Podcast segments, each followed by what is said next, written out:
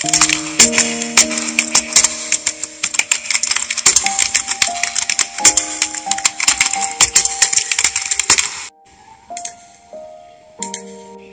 tahun ini, saya tak bisa pulang, Bu.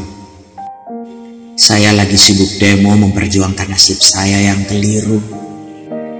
Nantilah, jika pekerjaan demo sudah kelar, saya sempatkan pulang sebentar. Oh iya, ibu masih ingat Bang Bang kan?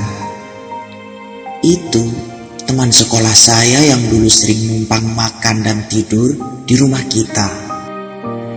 Saya baru saja bentrok dengannya gara-gara urusan politik dan uang. Beginilah Jakarta, Bu. Bisa mengubah kawan menjadi lawan. Lawan menjadi kawan. Semoga ibu selalu sehat bahagia bersama penyakit yang menyayangi ibu. Jangan khawatirkan keadaan saya. Saya akan normal-normal saja. Sudah beberapa kali saya mencoba meralat nasib saya, dan syukurlah saya masih dinaungi kewarasan. Kalaupun saya dilanda sakit atau bingung, saya tak akan memberitahu ibu.